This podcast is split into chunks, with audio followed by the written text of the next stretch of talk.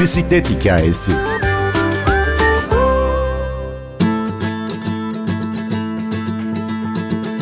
Neden ben diye sormak yerine yoluna kaldığı yerden daha büyük kararlılıkla devam etmenin öyküsü.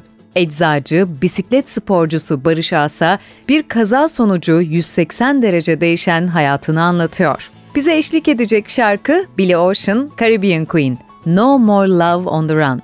Ben Gündür Öztürk Yener, bir bisiklet hikayesi başlıyor. Daha öncesinde bir motosiklet kullanıcısıydım zaten. Fakat sağlamın giderek bozulması fazla kilo almamdan dolayı farklı bir iki tekerlekli araç arayışına girmiştim. Bu noktada karşıma bisiklet çıktı. Yaklaşık bu sporu 7 senedir aktif olarak kulüp bazında yapmaktayım. İlk hepimizin bildiği bir şehir bisikletiyle tekrar bisiklete başladık. Çok kısa kısa turlar yapıyorduk arkadaşımla beraber. İşte başlangıçta 15-20 kilometre, 30 kilometrelik parkurlar gibi. Fakat sonrasında bu antrenman sıktığımız düzenli olarak arttığından dolayı performansımız ve kondisyonumuz da artmaya başladı. Dolayısıyla daha bir rekabetçi yarışmacı ortam içinde kendimi buldum.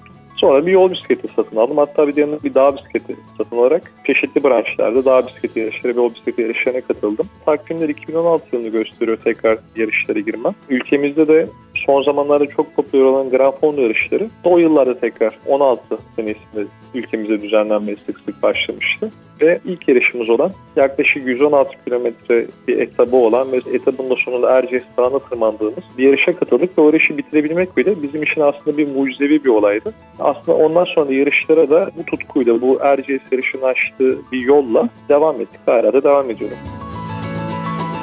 2018 yılına isterseniz o dönüm noktasına gidelim. 18 yılı aslında benim hayatımı baştan başa değiştiren bir yıl oldu. 180 derece insan hayatı değişir derler ya baştan sona siyahtan beyaza bir değişim gibi.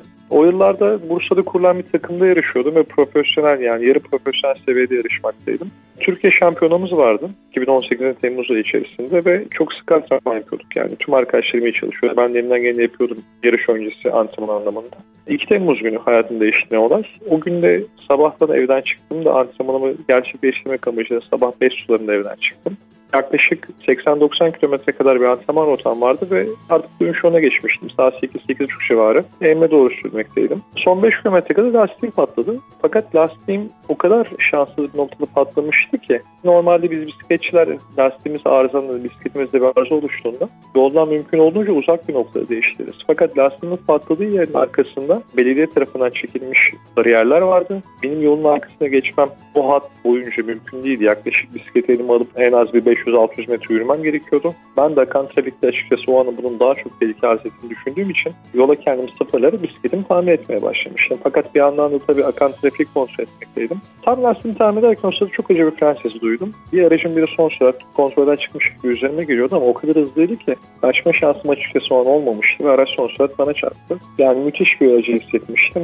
Bilincim hala açıktı olay sırasında da. O kaza anında zaten iki ayağımı olay yerine kaybetmişim. Bambaşka bir hayatım var şu o noktadan sonra. Kazan oluş şekli kadar kaza sonrası hayat tutunma şeklim de çok mucizeviydi. Yani tamamen zaten doğru bir ilk yardım sayesinde hayattayım şu an içinde. O an arkadaşlarımız, bana ilk yardım uygulayan arkadaşlarımız onlara çok çok çok dua ediyorum zaten her zaman için. Ve 10 saniye geç ilk yardım uygulasalar ben şu an hayatta olmazdım. Aynı şekilde olay yerinden dondurma kamyonundan alınan buzlar sayesinde vücuduma kompres yapıldı. Kanama yavaşlatılmaya çalışıldı organlar canlı tutulmaya çalışıldı ama sonrasında olmadı. Yani hakikaten olan, orada olan birçok insan beni hayatı geri döndürebilmek için zaten seferberlik ilan etmişti resmen. Ben de elimden geldiği kadar ailem ve kızım için zaten tutunmaya çalıştım. Çok şükür şu an hala yaşıyorum. Hala babası olarak yanındayım. Bu benim için zaten çok büyük bir mutluluk kaynağı.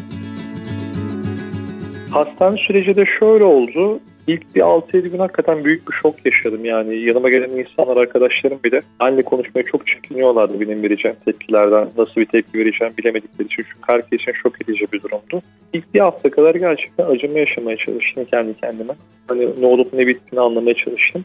Fakat sonrasında 8. gün özellikle cep telefonuna kalkıp şöyle bir yazı yazmıştım. Üzülmenin gerçekten hiçbir faydası yok. Çok geç tanıdığım sporda acaba milli takım seviyesine çıkabilir miydim diye bir yazı yazmıştım.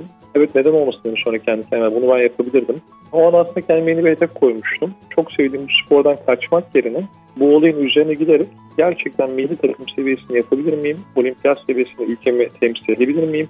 İşte kızıma, aileme gerçekten güzel bir hediye bırakabilir miyim diye düşünmüştüm. Şu an hala bunun için çalışmama devam ediyorum. Hatta hastanede de 7. günden sonra daha hedeflerimi koyduğum için açıp internetten, YouTube'dan protezleri araştırmıştım. Bakın yani daha 7. 8. gün kazanın üzerinden üzülmek yerine aslında bir çıkış noktası kendime çıkış hedefi koymaya çalışmıştım. İşte spor protezlerini incelemiştim. Paralimpik branşlardaki diz üstü, diz altı hangi sınıflandırmalar var? Benim yarışacağım sınıflandırma hangisi? Bunları araştırmıştım özellikle. Ve daha ilk haftadan sonra da ailemden evimde ağırlık setlerim vardı. Onları istemiştim hastane bana getirmelerini. Çünkü ufak ufak hareketime başlamak istiyordum. İşte yatağımda basit ağırlık hareketleri yapıyordum. Ki vücuduma işte ufak ufak direnç kazandırayım, kendimi motive edeyim şeklinde. Zaten biraz da kendime fazla inançlı olduğum için iyileşme sürecim de hızlı devam ediyor. Hastaneden çıktıktan yaklaşık 3 ay içinde protez uygulamamı benim ısrarlarım sonra çok hızlı geçildi. Yani daha teknik yerlerim özellikle belli bir periyotta bu sürece geçilmesini öneriyorlardı ama ben özellikle onları sıkıştırarak yani bir an önce protezlerimi takmak istedim. Aslında evdeki tekerlek sandalye yaşamım da bundan dolayı çok kısa sürdü. Yaklaşık 3 ay içinde yeni yaşamıma adapte olmaya başladım.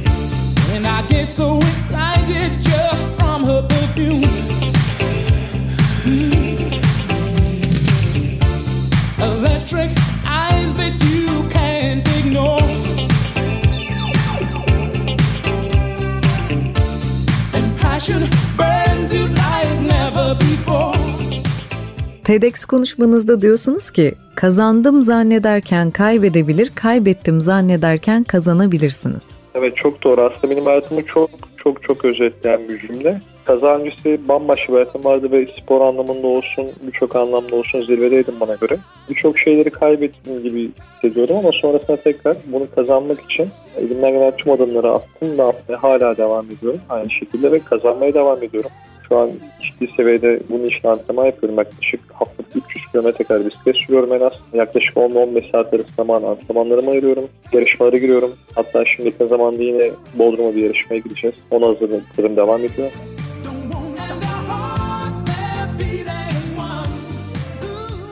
Para bisikletin normal bisikletten farkını bize anlatabilir misiniz? Aslında normal bisikletten bir farkı yok. Para bisikletin branşları var. Bunu şöyle de sınıflandırabiliriz. Normal protezlerini de ben kullanıyorum. Normal aynı şekilde bisikletimde herhangi bir ekipman yok. Fakat bunun klasifikasyonları var. Normal olimpiyat düzeninde C3, C4, C5 gibi. İşte bunlar e, diz altı olabiliyor, diz üstü olabiliyor, çift diz altı ve çift diz üstü şeklinde. Protez yardımıyla bisiklet düşürülebilen şeklinde. Ya da tandem olabiliyor. İşte görme engelli arkadaşlarımız aynı şekilde branşlarda sarı bisiklet branşına giriyor aynı şekilde. Ya da omurilik felçli arkadaşlarımız var. Bunlar da el bisikletleri yardımıyla yine para bisiklet branşına giriyor. Aslında çok büyük bir sınıflandırma. Sadece kişinin engel durumuna göre çeşitli sınıflandırmalar mevcut. Bisikletlerde dediğim gibi eğer omurilik felçliyseniz bisikletleriniz de ona göre elden düzenek oluyor ve elinizle çevirerek bu sporu yapıyorsunuz.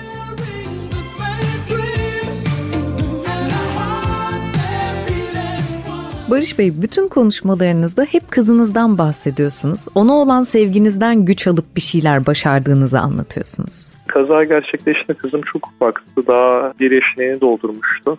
Ona çok çok çok yani sevginin inanılmaz aşırı seviyede olduğu için kaza anından zaten tek düşünüm ona tekrar sarılmaktı. Hatta hani elinden tutup okula götürmek en büyük arzum o zaman oydu zaten kaza sırasında da. Kızım şu an tabii büyüyor. Şu an 4 yaşına bastı.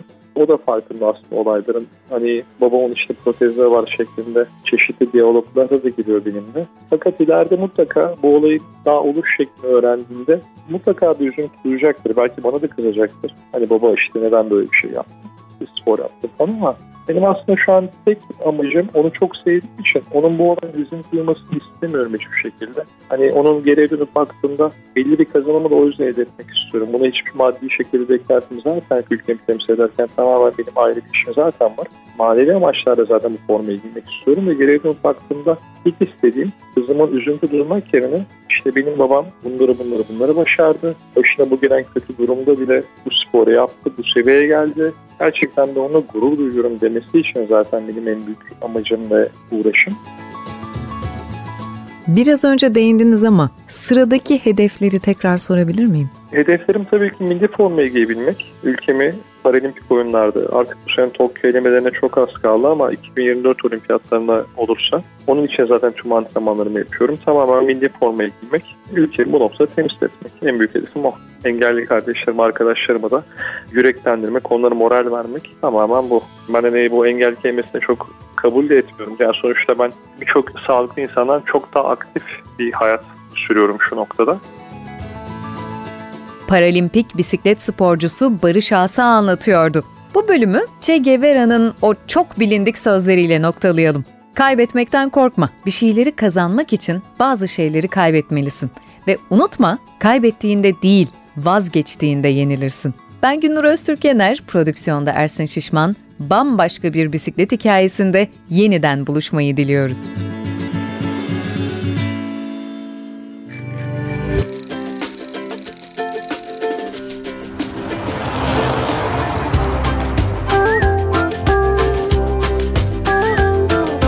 Bisiklet hikayesi.